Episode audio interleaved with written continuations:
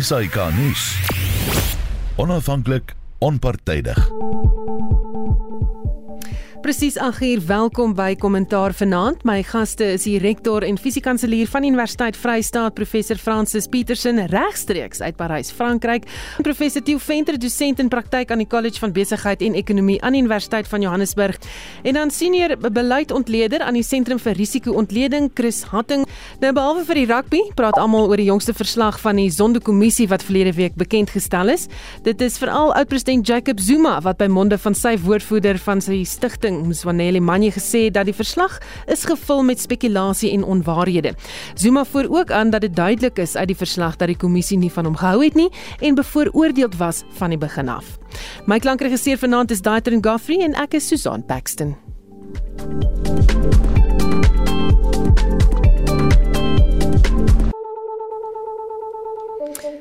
Nou ja, omdat die Zondo-verslag so regstegnies is, gaan ek eers met eh, Koos Malanne, professor in die departement publiekreg aan die Universiteit van Pretoria praat. Goeienaand Koos. Goeienaand Susan. Jou indrukke van die Zuma stigting en oud-president se reaksie gister tydens die perskonferensie? In die eerste plek uh, voorspelbaar. Dit is voorspelbaar want dit is die soort van benadering wat uh, oud-president Zuma en die uh, en die Zuma stigting van uit die staatspolitiek deur die kommissie ingeneem het. Dit is nou uh, in elk geval kort nadat Zuma self die kommissie aangestel het. Hy het deurlopend aangevoer dat die kommissie is uh, is bevooroordeel teenoor hom. Daar's 'n as 'n partydigheid en meer bepaal dat die uh, dat die voorsitter van die kommissie regter Zond, die hoofregter Zond soos wat hy nou is, uh, inderdaad bevooroordeel teenoor hom is. Nou die verhaal gaan dit eenvoudig net voort. Hy sê die kommissie het hom basies beskinder, sterk woorde wat gebruik word, uh, dat die verslag vol innuendos is as mens dit uh, omsit uh, in in leuke taal sodat daarop neerkom dat dit indirek op laster neerkom uh, en dat dit vol bespiegeling is. Nou goed, kom ons kyk na die meriete dit dit, dit na die meriete van dis basies waarop dit neerkom. Dis dis sy beskuldigings. Nou die punt is wat daar is 'n 'n enorme hoeveelheid getuienis gelewer wat eh uh, wat ook president Zuma op 'n verskeidenheid van maniere by onregmatige eh uh, onmisdadige optrede betrek wat breedweg val onder die definisie van staatskapeling. Eh uh, talle getuies het daaroor getuig en 'n verskeidenheid van instellings is daarbey betrek. Eh uh, dit is Prasa en uh, natuurlik die um, die die nasionale veiligheidsagentskap ehm um, uh, en en verskeie ander. Laat ons nie nou op die detail ingaan nie. Maar die feit is dat telkens is die president, die oud president daarin geïmpliseer dat hy onskuldig gemaak het aan eh uh, basies aan misdadige optrede. In die mate dat die kommissie nou inderdaad ook aanbeveel het eh uh, dat die vervolgingsgesag aandag behoort te gee aan die getuienis wat gelewer is eh uh, en dat sterk oorweeg moet word om verdere strafregtelike stappe teen hom in te stel. Hmm. Maar die punt is die die punt is eh uh, dat ehm um, Zuma het natuurlik soos ons almal weet, dis geskiedenis het die geleentheid gehad om op die getuienis te reageer. Hy is regtig uh het die kommissie hom uiteindelik uit sy pad uit gegaan om hom inderdaad voor die kommissie te kry sodat hy sy kant vir die saak kan stel. Dit is nie optrede wat neerkom op bevooroordeeldheid nie. Dit is 'n uh, optrede wat eintlik uh, oorbuig daarna om Zuma te probeer akkommodeer het, maar hy het eenvoudig bewys hy het eenvoudig besluit om nie daarop te reageer nie. Wat wanneer ons te doen het is getuienis wat gelewer is teen Zuma. Die getuienis is is is weliswaar nie bespreek deur hom nie, maar daai getuienis is getoets. Dit is uh, daar was ondervraers wat die getuienis bewyse van uh, ondervraging feitelik eintlik kruisverhoor getoets het op sterkte waarvan in die afwesigheid van enige deurleggende getuienis wat deur Zuma gelewer is ten minste 'n prima facie saak uitmaak. Ek wil net die hmm. volgende baie duidelik stel. Wat uh, wat die kommissie doen is om bevindinge te maak maar nie bevindinge te maak soos wat 'n strafhof byvoorbeeld bevindinge maak om iemand skuldig te bevind bo redelike twyfel nie. Ook nie soos 'n siviele saak om aan te dui en te bevind dat dat die die die uh, uh, verweerder op 'n oorwig van waarskynlikhede aanspreeklik is nie. Al wat die kommissie moet bevind is dat daar genoegsame getuienis uh, gelewer is om te bevind dat hy dat daar prima facie, met ander woorde met die eerste oogopslag in die afwesigheid van deurleggende getuienis genoegsame gronde bestaan om hom by hierdie verskillende goed waarby hy geïmpliseer is wel te, te impliseer. Zuma kon dit alles verhoed het. Hy het besluit om dit te doen. Ek dink dat die uh dit wat van die kommissie deur die uh Zuma stigting te laste gelê word is volkome sonder enige gronde.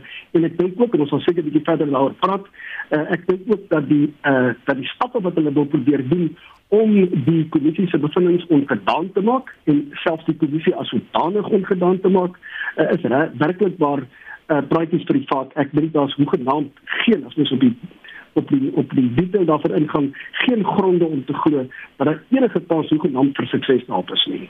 Ek wil nou vir jou vra, Zuma het gesê hy gaan regter Zondo by die regtelike dienste kommissie aankla. Die koerante beskryf dit as deel van sy 5-punt Stalingrad benadering om die verslag se inhoud te verdoem. Wat kan hy hier doen uit 'n regsoogpunt? Kyk, uh, kom ons kyk net eers. Hy wil hy wil die hy sê die volgende doen. In die eerste plek wil hy 'n klag lê, uh, soos wat jy net gesê het. Maar die klag dien geen afbreek aan die bevindinge wat reeds gemaak is nie. Ehm um, die, die die bepaalde instellings wat verantwoordelik is om die kommissie se bevindinge verder te voer, kan of dan 'n klag gelê word by die regtelike dienskommissie of nie. En die klag moet ook al mag wees, moet eenvoudig voortgaan op sterkte van die getuienis wat daar reeds is uh, en op sterkte van verdere getuienis wat daar reeds wat daar wat daar wat daar voortgevind mag word vervolgings teen Zuma in te stel. Met ander woorde, uh, dit is eintlik 'n loskruitskoot. Daar kan hoegenaamd niks van kom nie. Dit is nie eers 'n Stalingrad uh taktiek nie. Dis iets wat dalk by die eerste oogopslag daarna mag lyk, maar in die finale instansie is dit nie dit nie. En die tweede plek sê hy dat hy sekere van die bevindinge wat uh van die sondekommissie gemaak het, wil hy tersyde stel. Nou, dit beteken dat hy hof toe gaan. Ehm um, dit beteken tegelykertyd ook natuurlik dat hy self onder eed moet getuienis aanbied om aan te dui op watter gronde die bevindings ter syde gestel moet word. Hy sê ook dat hy wil die aanstelling van die kommissie as sodanig, hy wil aantoon dat dit vanuit die standspoor ongegrond was. Hy sê hy het weliswaar die kommissie aangestel en meer betaal vir regter Zondo soos wat hy toe was aangestel, maar hy sê dit is onder politieke druk. Dit is hoekom hy die aanstelling gemaak het. En nou blyk dit by nabat dat dit heeltemal verkeerd was dat hy onder politieke druk gesoek het wat hy nie gedoen het nie, dat dit eh uh, Ramaphosa was en dergelike ander persone binne die ANC wat die druk op my gekoppel het. Nou as hy die aanstelling van die kommissie as sodanig op sterkte daarvan wil aanveg, dan sien jy hierdie koddige situasie dat hy wat uh, wat Zuma is moet self getuienis aanbied om aan te toon dat die aanstelling van die kommissie reg van uit die staatspoor gebrekkig was. Hy het self getuienis aanbied en dit is die een ding wat Zuma tot elke prys en enige hulp wil probeer vermy, naamlik om self getuienis aan te bied. Want sodra hy getuienis aanbied, beteken dit hy gaan gekruis word. En soos ons weet, as er nou een ding is waarvoor oud president Zuma so bang is as hy Bybel vir die sluipsteen. Wat is nou presies dit? Uh, met ander woorde, hierdie is ook 'n loskruitskoot. Ek dink daar gaan hoegenaamd niks daarvan kom nie, dood eenvoudig omdat oud president Zuma op groter risiko plaas as wat dit enige iemand anders op risiko kan plaas. Ek wil uh, graag nou vir vir Chris uh, daar inbring. Chris, ek gehoor jy het gereageer op 'n uh, Koos se stelling dat dit is die een ding wat Zuma nie wil doen, hy wil nie hof toe gaan nie. Ja, ek dink dit is korrek want dan is dit dan sy naam in die publiek in daai konteks. So dis hom belangrik om altyd die narratief te stel en hy wil die hoë grond hê. Hy wil nie noodwendig op iemand anders se grond speel nie as as ons dit so verstaan. Ehm um, ek dink ook net hy vir Zuma is dit baie belangrik op die oomblik om om seker te maak maak saak wat uitkom nou met die state capture report en so aan. Vir hom is dit belangrik dat hy kan sê wat die report wat agter dit lê volgens hom. Dis dis mos 'n witch hunt agter hom aan. Dit gaan nie net oor oor justice of so aan nie. Hy kan besluit ehm um, wat belangrik is en wat nie is nie. Maar net aan die ander kant, ek weet ook nie of hy hy baie slaap slapelose nagte gaan hê as hy wel uh, of toe moet gaan nie, want daar is heel waarskynlik die moontlikheid dat baie senior lede in die ANC en ook net in die Tripartite Alliance nog steeds aan sy kant is en hulle gaan seker maak dat sekere kontakte en belangrike mense in daai daai dele van die staat gebruik word om seker te maak hy spandeer miskien een aand op die meeste in die tronk as hy skuldig bevind word van iets dat hy nie vir sy hele lewe nog in die tronk sou sit nie. Nie dat hy hy is nou al klaar oud so, so ek dink dit is van baie belangrik om ook net om om om face te save Hm. En Francis, ek het ook gehoor dat jy gereageer het op Koos se stelling dat dit is die een ding waarvoor oud-president Jacob Zuma baie bang is en dit is om self hof toe te gaan en onder kruis voorgeneem te word. Ja, absoluut eh uh, ehm um, Susan. En en ek dink eh uh, ehm um, uh, jy weet die die die manier hoe hy en sy span uh, gereageer het, eh uh, was verwagtend. Eh uh, ek het dit verwag want dis miskien die enigste manier hoe hulle kon gereageer het. Eh uh, soos Koos reg gesê het, uh um um uh, oud president Zuma het die geleentheid gehad om wel sy kant van die saak te stel voor die kommissie. Hy het dit nie gedoen nie.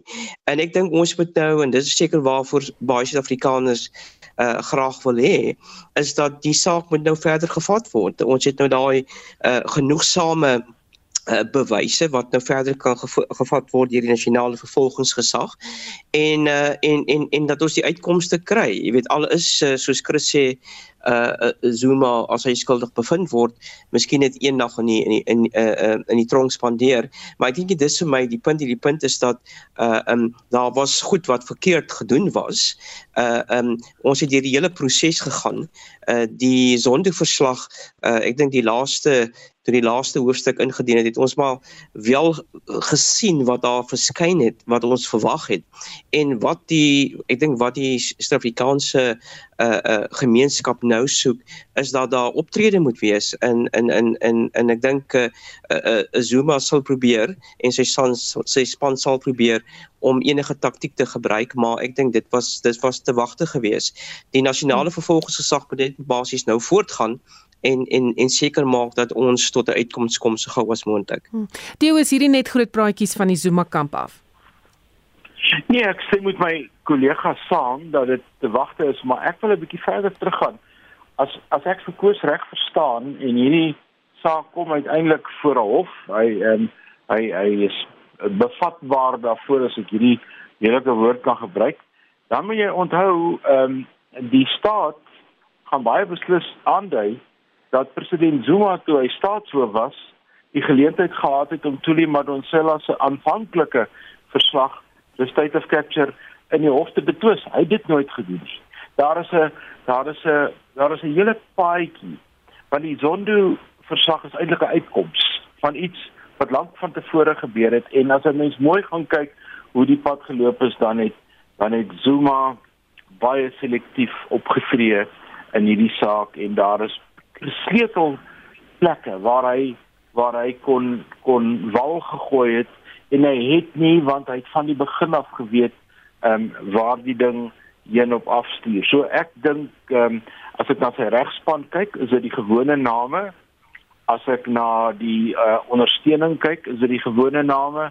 Ek dink nie so nie. Ek dink die gees in die land in opsigte van uh reaksie en oplossings en en en implementering van van die aanbevelings van die sondeverslag dink ek dit kry tans voorrang eerder as hierdie kwessies wat hulle in die howe wil betwis.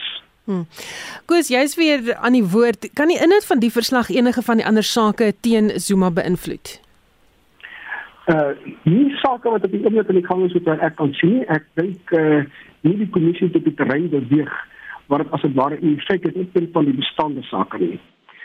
Uh ek dink wat mense egter ook moet doen in hierdie verband uh Susan is die volgende.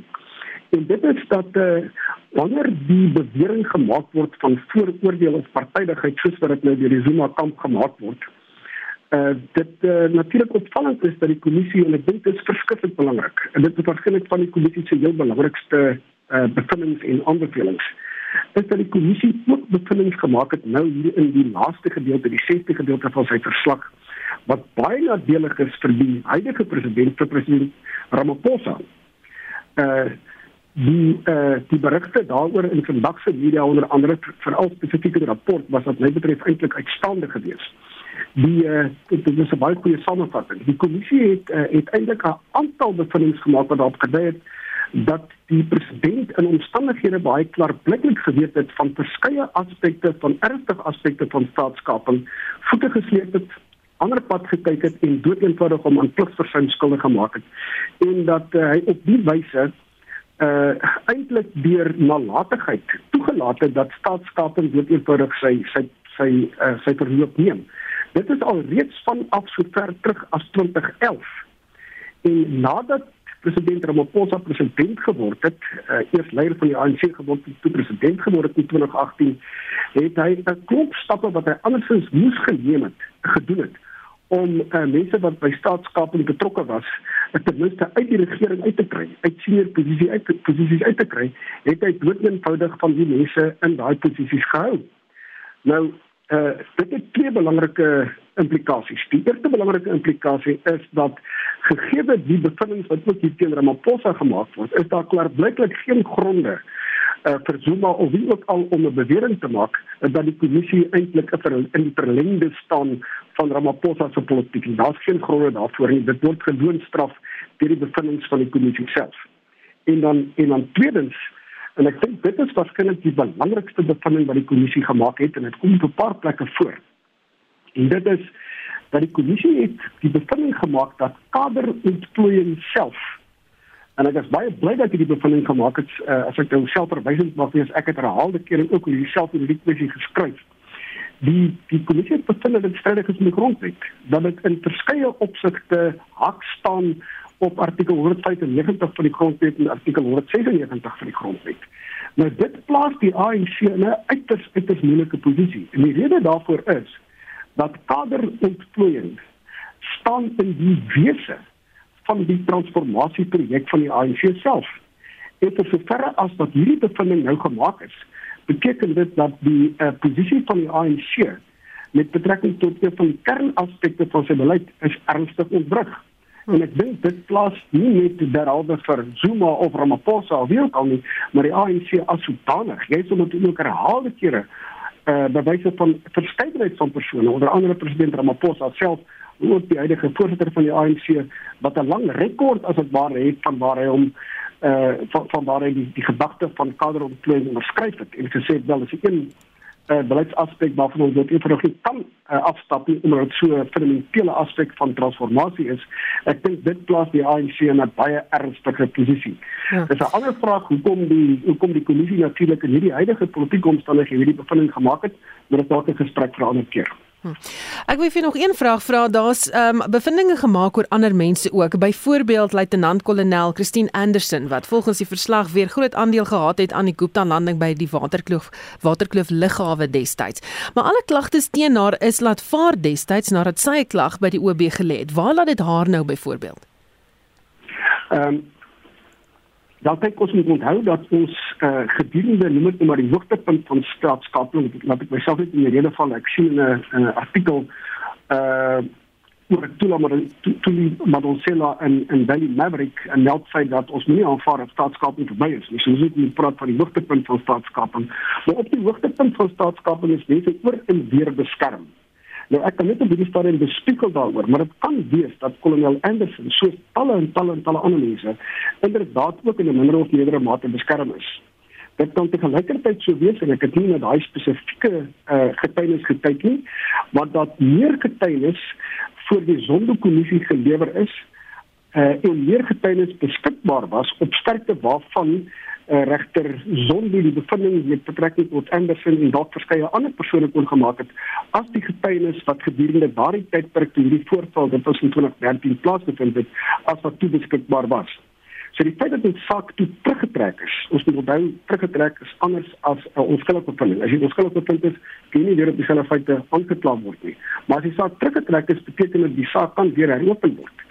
Uh, of kan weer geopen word uh, in die nuwe getuienis beskikbaar raak en dit lyk vir my dit is inderdaad wat in hierdie geval gebeur het en ek dink dit gaan nie net wees met betrekking tot kolonel Anderson nie maar verskeie ander persone wat tevore dalk onskuldig gelyk het wat dalk veel meer skuldig is as wat dit uh, oor die afgelope 7 8 9 jaar in die eerste oogopslag gelyk het. Hm. Baie dankie vir jou insaag vanaand Koos. Dit was Koos Malanne, professor in die departement publiekreg aan die Universiteit van Pretoria. Ons gaan voort met hierdie gesprek. Theo Bruce Kolehani het destyds die skuld gekry vir hierdie landing. So wat sien ons nou hier dink jy? Maar ek dink nog steeds Bruce Kolehani is die is eintlik die die sleutelfiguur in die landing wat op Waterkloof plaasgevind het en dat hy dit in gedoen het in opdrag van nommer 1 en daar was op daardie stadium net een nommer 1 in die land. Daar's geen twyfel oor wie dit was nie. En die vreemdste van vreemde dinge was dat hy na die waterkloof landing wat en die ondersoek daarna wat eintlik 'n soort van 'n 'n whitewash was is hy ehm um, tydelik ehm um, geskort of hy's met 'n verlaagde rang in in buitelandse sake gehou en kort daarna bevorder as ambassadeur na Nederland. Dit is dit is wat 'n mens eintlik ehm um, as jy dit aan die buiteland moet verduidelik hoe dit werk dan voel jy as 'n Suid-Afrikaner baie keer 'n bietjie verleë oor hierdie proses. Ehm um, die die die situasie met met kolonel Anderson is vir my baie baie maklik in 'n sekere sin. As 'n offisier wat opdrag kry van 'n politieke amptenaar of 'n senior amptenaar in buitelandse sake, is daar baie min wat jy kan doen om weerstand te bied. Ek weet 'n mens kan by nabaat sê uh die persoon moes gesê dis onwettig, dit is onregmatig, jy kan nie, maar ehm um, beroepsmense in baie range word deur hierdie situasie gekonfronteer en die eerste ding wat deur jou kop gaan is my loopbaan, my werk, wat as, wat as en daai soort van goed.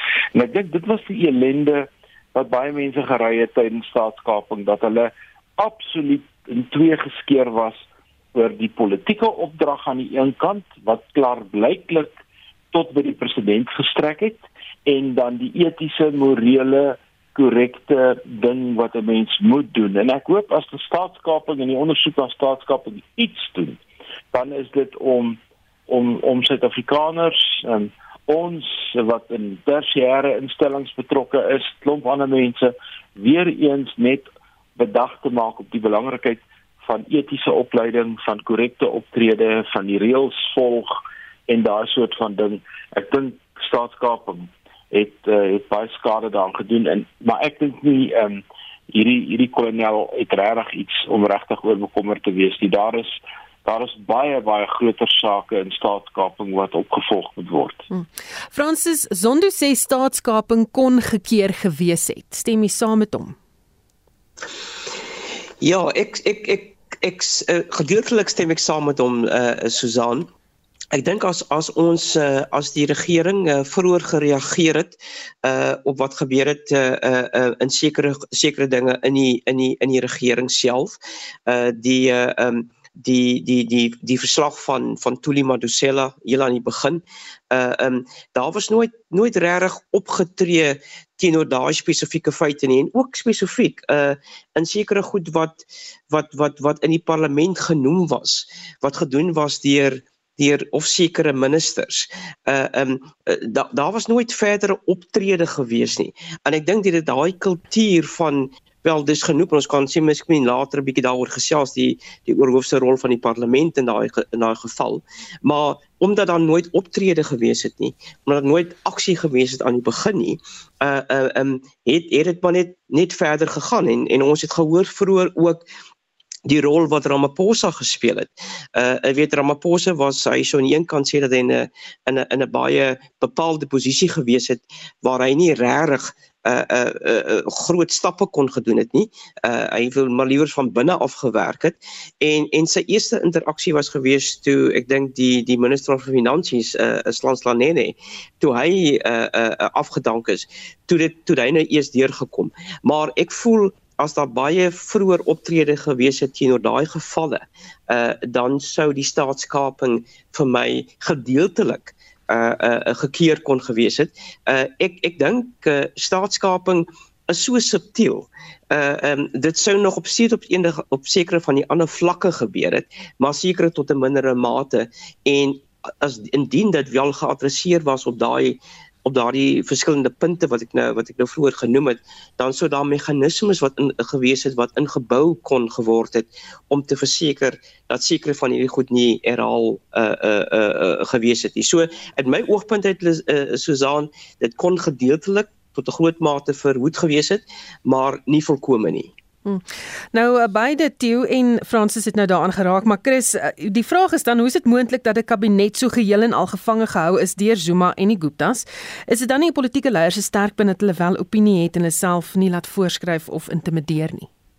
Susan, ek dink ons moet ook kyk na die ideologie van die regerende party. So vir hulle is die National Democratic Revolution dit dit inform die die beleide en die besluite wat hulle maak van van die grootste vlak tot die kleinste vlak en en de, ek dink dit het dit meer gerieflik en makliker gemaak vir iets so staatskaping om om te gebeur want die die NDR dit verg dat die dat die regerende party goed soos Eskom, Prasa, ook net ander sektore van die ekonomie heeltemal beheer en tot hulle eie doeleindes trans, tra, transform en gebruik soos wat hulle dink goed is, jy weet vir vir die mense en vir die land daai daai abstrakte konsepte wat altyd wat wat politici baie gebruik om hulle goed te regverdig, maar wat nie altyd baie konkreet verduidelik word nie. Um daar is definitief 'n element van van waar was die regte leierskap, maar dan moet mense ook wonder was dit eintlik vir ander mense in die kabinet of in die NEC probleem dat staatskaping gebeur het? Was dit teen hulle hulle ideologie? Was dit nie was dit nie vir hulle net die na, natuurlike uitvloei van wat hulle ideologie van hulle vra nie en dit dit is ongelukkig in baie um neuwe effekte vir vir arm Suid-Afrikaners ge, geresult want hulle dan nie byvoorbeeld elektrisiteit of geld word nie gebruik vir baie opgradering. Daar's grootskaalse korrupsie, daar gebeur nie ekonomiese groei nie. Maar ek weet ook nie of of daai leierskap of hulle besef daai daai effekte op die grond nie want op die ou end het hulle die mag en hulle gebruik dit soos wat hulle dink hulle moet moet in plek wees om Suid-Afrika te verander na wat wat die National Democratic Revolution uh, behels en wat dit van hulle van hulle vra. Op die, op die ander kant ook net nie net die die ANC nie, maar ek dink enige politieke party as 'n mens die die staat en die ekonomie en soos die die privaat lewe besigheid tot so mate met mekaar meng dan dan verhoog jy die incentives dat daar korrupsie en staatskaping kan plaasvind. Dat dit gaan meer oor wie jy ken en hoeveel politieke invloed het jy en wie ken jy in die kabinet en hoe kan jy hoe vinnig kan jy byvoorbeeld met president Ramaphosa of president Zuma of wie ook al of die minister of daai minister gesels en sê jou besigheid moet die kontrak kry. Dit gaan nie oor oor meriete en ekonomiese groei en en en dienslewering nie. Dit gaan net oor het jy die regte hoeveelheid van van politieke invloed. So ons moet ook net daai dink ek as 'n soos 'n meta punt in gedagte hou. Hoe meer jy die staat en die ekonomie met mekaar meng, hoe meer verhoog jy die kanse vir korrupsie. Susan, kan ek miskien net hier 'n opmerking maak? Gaan voort, gerus.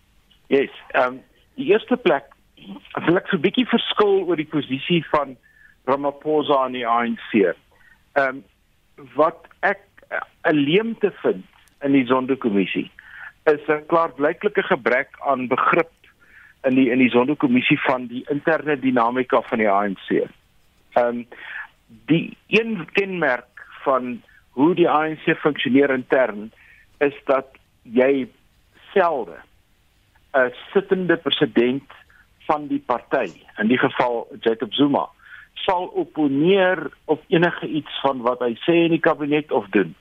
Die geval van Nene en en Des van Rooyen was buitengewoon. Ehm um, daar het um, baie agter die skerms gebeur, maar vir die res is dit is dit feitelik nooit dat dit die tradisie van die ANC is dat jy 'n besluit van die president of hoe die president dit wil hê gaan opponeer nie. So dis een ding. Die tweede ding is ons moet onthou dat nie Ramaphosa toe hy by Mangaung gekies is as adjunkt president, uh, hierdie ambisie gehad het om president te word.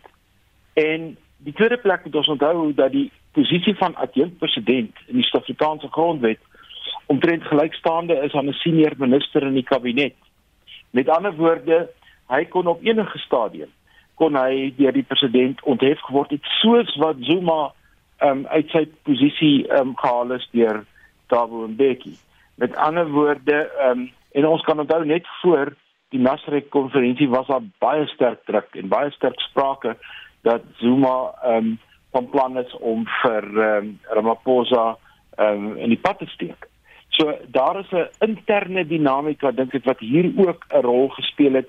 Uh, uh, ek probeer dit nie goed praat nie. Ek probeer net verduidelik dat ek dink dit is iets wat 'n mens ook moet verstaan hoe dit gebeur het en dat daar 'n ek wil amper sê 'n ingeboude ambivalensie in die ANC is wat tot groot nadeel van hulle self lei want hulle kan nie hulle kan nie die pad vorentoe vat aan tensy hulle hierdie probleem nie oplos nie. En dan die laaste punt wat ek net wil maak is ons moet oppas om die term staatskaping te wyd en en te te generies toe te pas.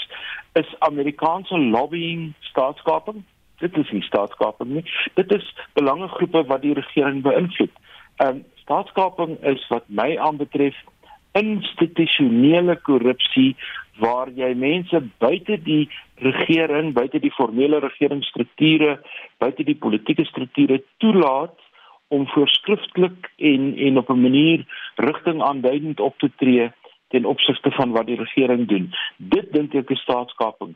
En ek wil net ek wil net waarsku dat mense nie dit te breed moet formuleer nie. Dis 'n konsep, dis 'n term wat ons eintlik geërf het uit wat in Oos-Europa gebeur het na die verval van die Berlynse muur en hier by ons van toepassing gemaak is. Hm.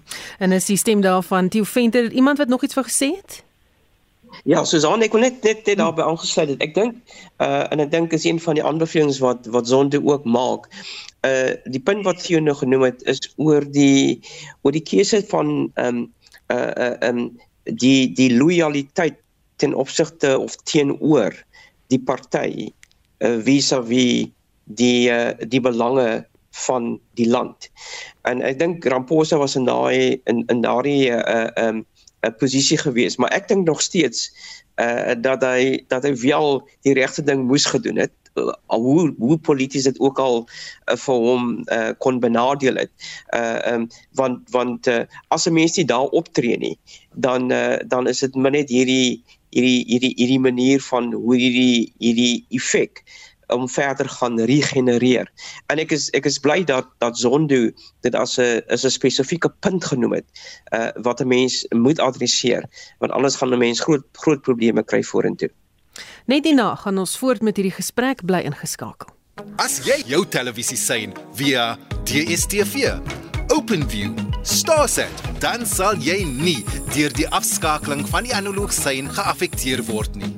Gaan na www.dcdt.gov.za. Stuur 'n WhatsApp boodskap na 0600 625 458. Hierdie boodskap word na jou gebring deur die Departement van Kommunikasie en Tegnologie. Makoti Dam Products is 'n familiebesigheid wat hierdie jaar ons 30ste verjaarsdag vier en dit begin met 12 ganse en 'n stuk lam. Ons vervaardig duvets, kussings en baie mooi duursame linne van byvoorbeeld Egiptiese katoen van 'n hoë standaard. Ons kan duvets hermaak of skoonmaak en werk landwyd. Die donsvulsels dra 'n lewenslange waarborg en mense met allergie kan al ons produkte gebruik. Besoek ons by Wommerpark Sentrum, makoti.co.za of skakel 041 9922 395. SAK nuus. Onafhanklik, onpartydig. Welkom terug by Kommentaar. My gaste is die rektor en fisiekanselier van Universiteit Vrystaat, professor Francis Petersen, professor Theo Venter, dosent in praktyk aan die College van Besigheid en Ekonomie aan die Universiteit van Johannesburg en senior beleidsontleder aan die Sentrum Risiko-ontleding Chris Hatting.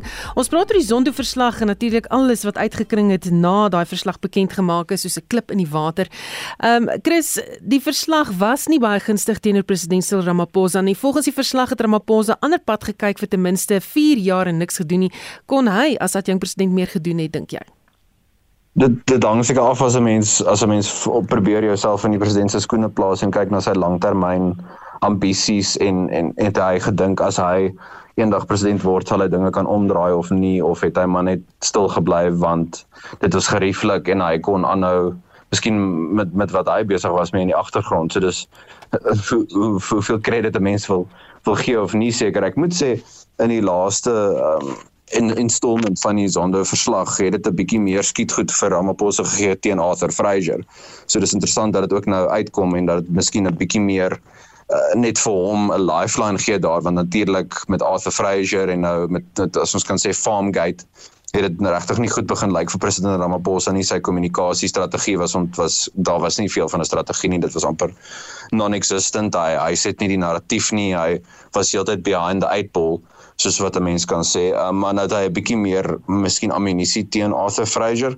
Ehm um, en ek dink miskien help dit hom veral nou dat ons gaan na Desember met die ANC konferensie uh, later die jaar om hom te help om die narratief in sy guns te draai want natuurlik gaan hy mik om herverkies te word as leier van van die ANC. Ehm um, en dan ja net net om op te som met kon hy beter gedoen het. Natuurlik ek ek dink hy hy kon veral in terme van die vir die ANC self want die ANC sou gebaat het daarbey op die oomblik is hy die beste bate vir die ANC. Sonder Ramaphosa se popularity sou hulle nie naaste by so goed gedoen soos wat hulle gedoen het in die laaste plaaslike verkiesings nie. Dit was al klaar sleg as as mense dit meet met hulle vorige um, standaarde en hoe hulle uh, presteer het in vorige verkiesings. So uh, dit sou gehelp het nou met die beweging vorentoe dink ek want as ons kyk na 2024 dink ek kan ons kan kan 'n mens sterk uh, kan kan jy nogal confident voel dat die ANC onder 50% gaan kry en miskien as mense soos Ramaphosa, Pravin Gordhan, um, ander senior uh,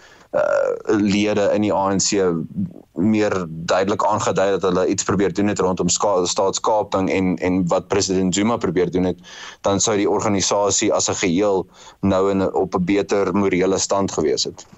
Fransis skuif hierdie die aanklagte teen Ramaphosa oor die diefstal by sy plaas op die agtergrond. Tot 'n sekere mate ja Susan, want ek want ek dink die sondekommissie het uh het het het al die al al die ander aspekte rondom Ramaphosa en wat ook in die in die weier nuus gebeur uh in in Suid-Afrika en partykeer so globaal op die agtergrond geskuif. Uh um maar maar ek dink nie vir altyd nie. Ek dink dit sal dit sal weer terugkom. Uh um um vir my die die punt wat vir my baie belangrik is is dat ek dink daar moet 'n uh, ek, ek ek ek wil graag graag hê dat Ramaphosa 'n bietjie meer aktief en en en en en met en met met nie met bravade maar met met bes, bes, spesifieke beslissing uitkom oor hoekom sekere goed gebeur is. So indien jy kyk na Farmgate, wat het daar gebeur? en en en en en kom uit daarmee en dan weet ons ten minste dit is dis afgesluit maar ook in terme van hoe het hoekom het hy so opgetree uh uh um in in in in tydens die periode van die staatskaping uh en ook met met betrokke tot Arthur Fraser uh wat gekom het as die hoof van die van die van die van die van die uh uh die staatsveiligheidsagentskap en toe geskryf geskuif was na direkteur van korrektiewe dienste.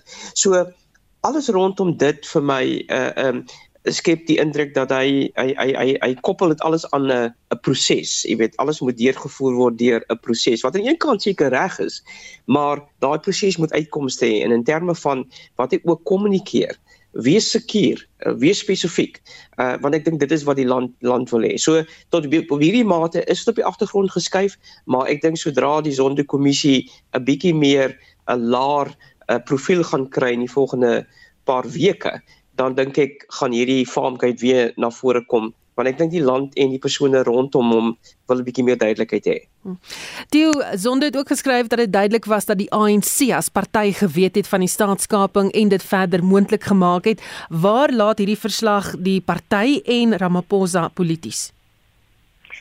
Wel, dit is interessant die die Engelse woordjie enablers, met ander woorde hulle het eintlik staatskaping gefasiliteer moontlik gemaak. Ehm um, 'n blinde oog gedraai, dit aktief bevorder. Daar's verskillende vlakke hoe jy iets kan ehm um, fasiliteer en dan het die president in sy eie voorlegging aan die die kommissie daardie bekende sinnetjie geuiter toe hy gesê het ons is beskuldigde nommer 1. Al wat sonde gedoen het, hy het dit net bevestig. En ek dink die ANC is is uh, uh vir die volgende paar maande is hulle in 'n in 'n in 'n baie moeilike situasie. Ehm um, Fransis sê nou dit gaan oor 'n paar weke miskien ehm um, daal, maar onthou nou dat ek net twee datums um, hier na vore bring. Die een is die ANC moet 'n beleidskonferensie hou aan die einde van Julie maand. Ehm um, dit is nou binne binne omtrent 30 dae. En dit is 'n baie belangrike voorbereidende stap vir die nasionale konferensie wat in Desember maand moet plaasvind. Ja, en sy het ook nie 'n uh, nasionale ehm um, eh uh, raadgewende eh uh, konferensie gehou wat tussen twee kongresse of twee konferensies moet plaasvind nie vanweë COVID. En dit beteken dat ehm um, daar baie sterk druk is dat terwyl hulle die beleidskonferensie moet hou wat oor 'n periode van 3 of 4 dae kan strek, dat hulle op 'n stadium sê nou maar aan die einde van die beleidskonferensie die beleid beleidskonferensie afsluit en dit dan verander in 'n nasionale raadgewende konferensie. Dis heeltemal en tegnies moontlik wat baie druk op die president gaan plaas en wat Farmgate weer uh, in die spel gaan bring en dan Die volgende datum wat belangrik is is die president kry nou 4 maande om sy bevindinge duidelik te maak wat wat van hierdie aanbevelings want onthou dat die die kommissie lewer sy aanbevelings aan die president. Nou moet die president gaan besin daaroor wat gaan hy implementeer en wat nie. Daai 4 maande vat ons na Oktober November toe.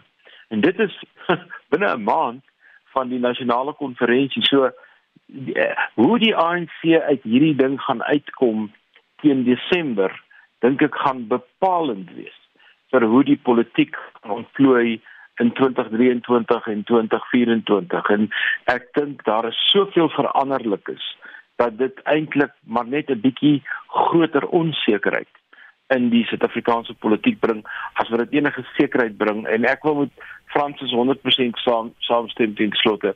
Ek dink die president moet beheer neem oor die hele gesprek of narratief oor wat by Farmgate gebeur het. Ek dink ehm um, daar is 'n groot verwagting dat hy mense in sy vertroue sal neem want hierdie ondersoek al is baie van die stories daaroor uh, waarskynlik 'n vee verhaal soos iemand al gesê het of waarskynlik uit die duim gesuig gaan alles in sy wese gaan oor die integriteit van die president.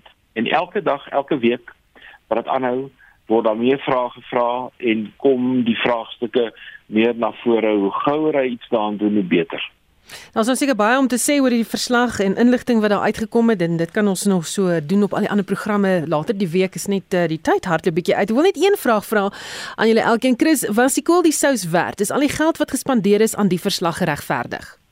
Ek dink ons sal dit kan meet met as daar as daar eintlik 'n vervolging gebeur. Ehm um, as daar iets gebeur met met al die werk wat Sando en sy span daarin gesit het. Ek dink dit is vir vir alles, jy weet ons sit nou eh, met met hoeveel amper 50% werkloosheid. Ons sit met krag wat gereeld afgaan.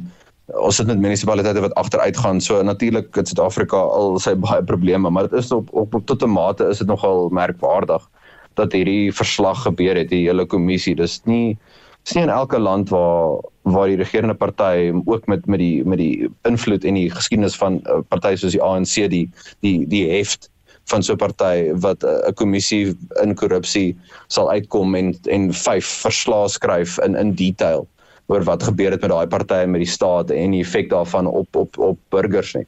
So ons moet ons moet tot 'n mate dankbaar wees dat dit eintlik gebeur het in Suid-Afrika, maar soos ek sê, dit dit hang nou af of daar die politieke wil is en ook net of die vervolg nasionale vervolgingsgesag die die moed het en die die attention to detail om seker te maak dat dat betekenisvolle vervolging gebeur en dan laastens net as daar eintlik 'n beleidsverandering gebeur want as ons aanhou op die pad van van veral die ANC van van van beleid wat wat die die die beheer van die party oor die ekonomie verbreed dan gaan ons net meer incentives skep vir cronyism en korrupsie en en miskien ander vlakke van van staatskaping. Fransis, is daar iets wat die geloofwaardigheid van die verslag kan kelder? Ehm um, ek ek ek dink ek dink die wat daar uitgekom het ehm uh, uh, uh, is is is is is goed wat wat vir my nogal redelik baie belangrik is is is seker indien die vervolging nie gebeur nie uh um uh, uh gebaseer op die bewyse wat wat wat al reeds uitgekom het uit die sonde verslag uit en dit word nie deurgevoer nie. Uh die tweede ene is die is daardie politieke uh, uh aanmoediging om wel die die die soos Christo reg gesê het die beleidsvoorstellings wat gemaak is in die verslag te implementeer. Want ek dink dis daar's daar's daar werklike baie baie goeie beleidsvoorstellings. Maar maar die maar die die laaste punt wat ek wil noem nie dat die verslag in kelder nie, maar ek dink ek sal graag uh, jy het gepraat van of die verslag die uh, die die die die die sous werd is. Uh, ek dink die die feit dat uh uh vletjieblassers uh ondersoekende journalistiek en ook uh weet Tuli Madusela aan die begin. Uh ons moet krediet gee aan aan daai groep van van van van kategorieë of van persone. Uh want ek dink as as as as as as dit nie gebeur het nie, sou die verslag nooit regtig uh uh tot tot die ex, tot die extent as ek die Engelse woord kan gebruik gebeur het waar, waar wat ons nou gesien het nie. En dit dit gee ongelooflike ongelooflike uh um selfvertroue ook vir burgers in Suid-Afrika. Uh uh dat dat daai dimensie van ons samelewing uh hierdie goed kan uitdaag uh uh en kan sê maar luister dis verkeerd. Uh, ons kan hier oor gesels in in in in in dis vir my een van die beste uitkomste in die proses van die verslag. Uh uh saam met natuurlik die aanbevelings wat wel wat wel gedoen was. Goed, ander interessanthede van uh, die dag is vandag is die 67ste herdenking van die Vryheidsmanifest. Tio, jy en hierdie manifest is ewe oud as ek dit nie mis het nie. Uh wat was die aanvanklike doel hiervan? Ja, 1955 was 'n baie goeie oesjaar. Ehm um, moet ek self werk. Nee, ek dink dit was 'n baie belangrike uh historiese gebeure in Suid-Afrika waar ehm um, mense bymekaar gekom het. Ek kan onthou ek het op 'n stadium met van die ehm um, oorspronklike ehm um, opstellers gepraat. Een was 'n Indiër en uh sy storie is te gelyk humoristies maar ook tragies dat hy moes deur die Vrystaat beweeg om in Kliptown uit te kom wat hier tussen uh, Vereniging Johannesburg se area is en die um, die die die dilemma wat hy gehad het om die Vrystaat te ry in 'n tyd toe apartheidsreëls vir die Vrystaat so was dat Indiërs nie vrye toegang en beweging gehad het in die Vrystaat nie. Mense vergeet eintlik wat in 55 was en ons vergeet ook dat in die periode 55 56 is die breinstem verwyder van die van die parlementêre kiesersrol veral in die Kaap. So daar het 'n klomp goed gebeur wat verskriklik belangrik is. En tot vandag toe is die is die uh, die Vryheidsmanifest nie alleen 'n rigsnoer vir die klassieke ANC, die oorspronklike ANC nie, maar ook vir 'n klomp ander politieke partye en uh, ek dink dit is dis iets wat baie sterk ook in ons grondwet opgeneem is in ons in ons akte van van menseregte en dis meer so belangrike dokument um, en is goed om hierdie dag te vier. Chrissy ANC beskryf die manifest as die hand wat hom lei om demokrasie in die land te bevorder. Is dit nog so na jou mening? Ek dink dit hang seker af van die die regering party se definisie van van demokrasie en net om een voorbeeld te gebruik as ons kyk na die na die voorleggings rakende die nasionale gesondheidsfonds die meer die oorweldigende meerderheid wat byvoorbeeld gesê het mense en organisasies is is concerned oor die NHI. Ehm um, ek weet nie of die regerende party noodwendig daarna gaan luister na daai vorm van van demokrasie nie. So as die demokrasie gaan teen wat die party dink is goed vir die mense of vir die land, dan dink ek nie noodwendig dit gaan uh, hulle gaan dit implementeer nie, maar ek dink so Steo heeltemal korrek korrek uitwys en sê dis dis dis nie 'n hoek miskien nie 'n hoeksteen nie, sou ek nou nie sê nie, maar dit is baie belangrik vir die vir die grondwet veral in daai konteks en dan net op pad vorentoe, dis op die ou end hang dit af van burgers en burgerregte organisasies en politici van van al die partye of hulle of hulle sulke dokumente en ander en veral die grondwet implementeer en dit navolg en dit respekteer. Um, ek dink Prof Malan as hy nou nog by ons was, hy sou baie lank en goed kon praat oor oor die verskil tussen as iets neergeskryf is teenoor word dit uitgelewe en word dit geïmplementeer en word word staats actions en beleide in daai in daai in daai gees geïmplementeer daai daai daai oorhoofse filosofiese punt. So ek dink dit is belangrik in Suid-Afrika se geskiedenis maar dis 'n ander vraag of uh, of ons dit nog eintlik respekteer in terme van ons van ons actions.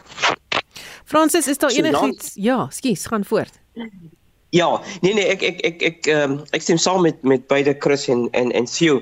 Vir my die die belangrikste van die handves dokument is is seker die proses hoe dit hoe dit eh uh, eh uh, uh, gegenereer was. Dit is, 'n tipe van 'n van 'n van 'n bottoms up benadering.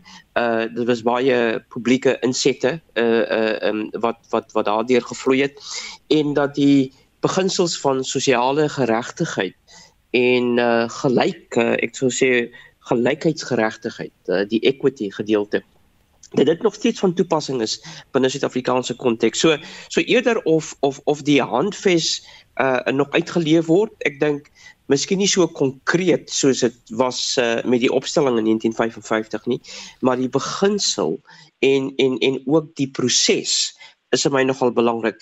En die punt wat ek gemaak het vroeër in verband met die Zondi-kommissie dat jy dat jy die burgers het wat wat wat eintlik opstaan en en en en uh, die burgery wat opstaan en insette gee. Uh die die vraag natuurlik is is die is die is die regering uh of in hierdie geval die ANC is hulle uh uh oop daarvoor om na te luister. Dis 'n ander vraag, maar ek dink die proses van hoe dit gebeur het is vir my nogal iets wat nog baie toepaslik is in ons bepaalde demokrasie en meer toepaslik moet wees uh teen die agtergrond van die Zondo die Zondo kommissie. Goed, kos beweeg na die buiteland en president Cyril Ramaphosa het kort gelede in Duitsland aangekom om deel te neem aan die G7.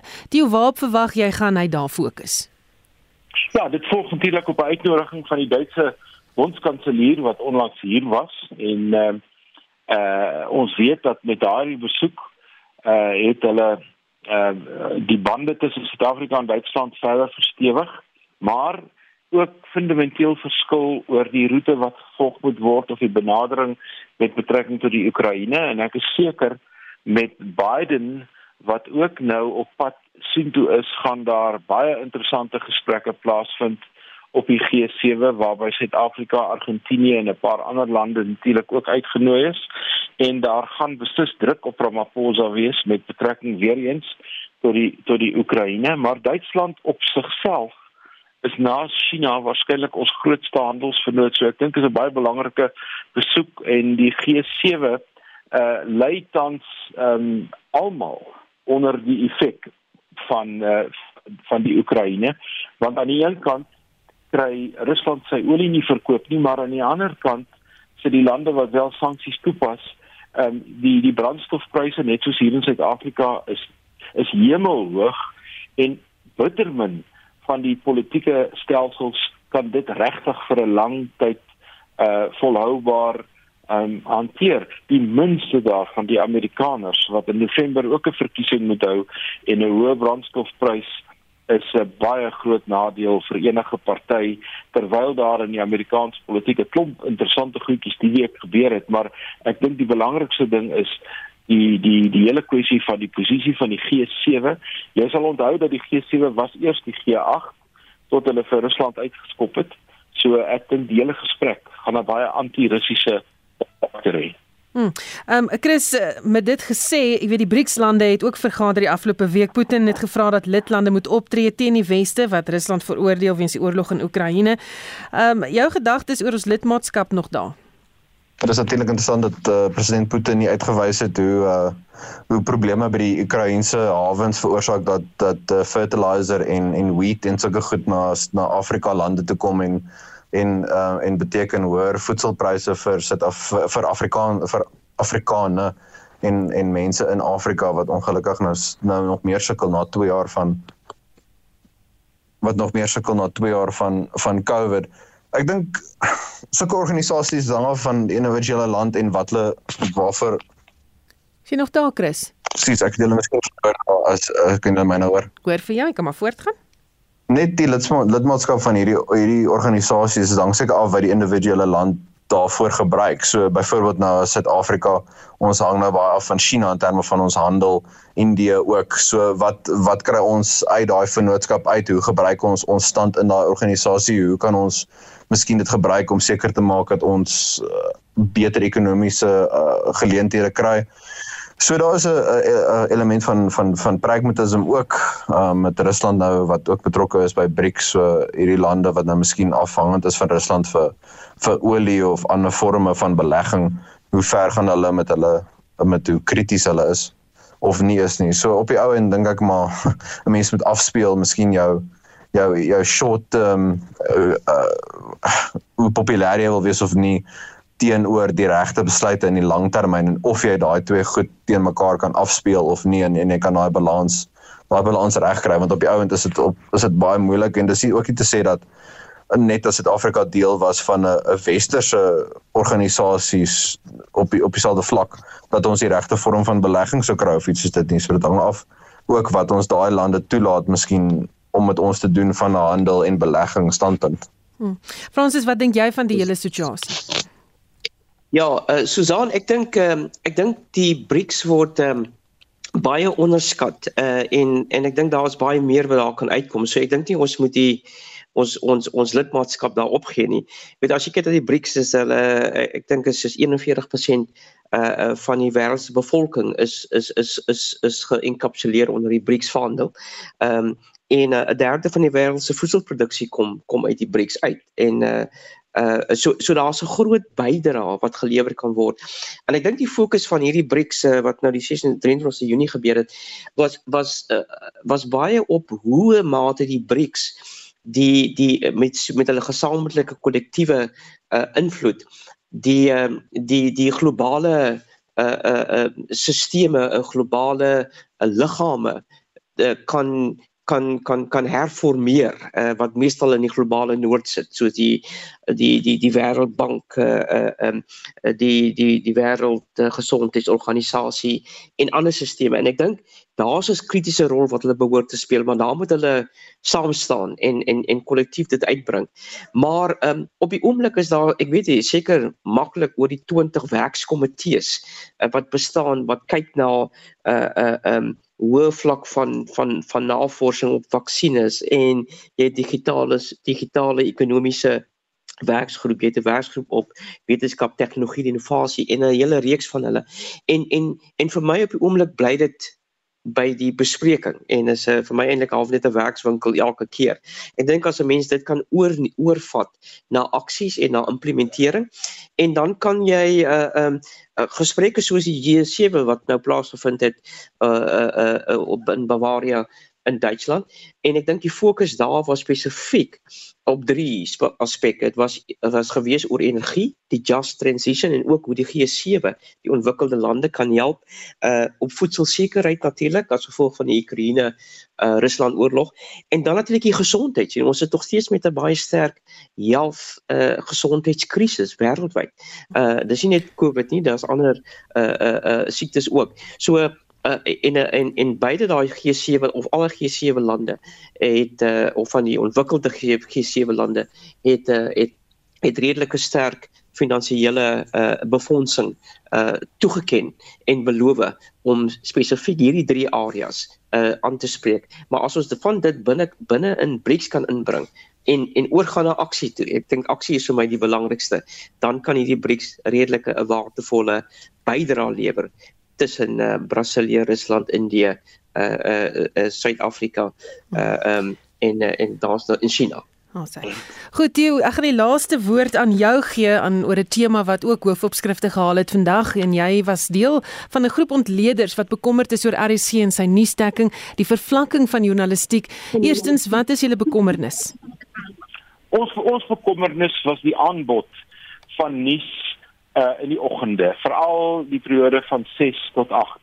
Ehm um, dit is 'n kritiese gedeelte waar 'n groot klomp Afrikaans spreek en dis maak nie saak waar jy in die land is nie of jy is op pad skool toe of jy is in die kar of wat ook al en dit het vir dit was vir ons 'n groot groot nadeel dat dit eintlik 7 ure in die oggende stop en dan van ehm um, dan af tot omtrent 9 ure baie ligter aanslag. Ehm um, dit het gemaak dat verskriklik baie mense my gebel het en sê kyk ons skakel nou maar oor SAFM toe want daar kry ons nog dieselfde aanslag of ons doen dit of ons doen dat. En ons het net gevoel RSG is so 'n instelling met so 'n lang tradisie. Ons is almal ten gunste van verandering ons is almal ten gunste van vernuwing maar hou by resepte wat werk.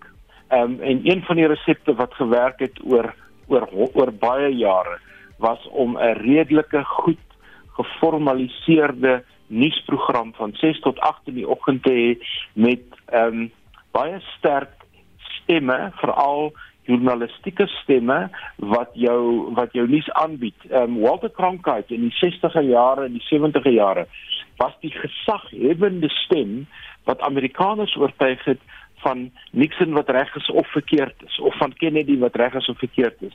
Mense moet die stem wat die nuus aanbied en oordra nie onderskat nie. Dit is net so belangrik as die nuus self. Baie dankie. Ek seker ons gaan later die week meer daar gesels. My gaste vanaand was professor Francis Francis Petersen, professor Theo Venter en Chris Hatting. My naam is Susan Paxton en my klankregisseur is Daitrin Godfrey. Geniet die res van jou aand in die geselskap van RSG. thank you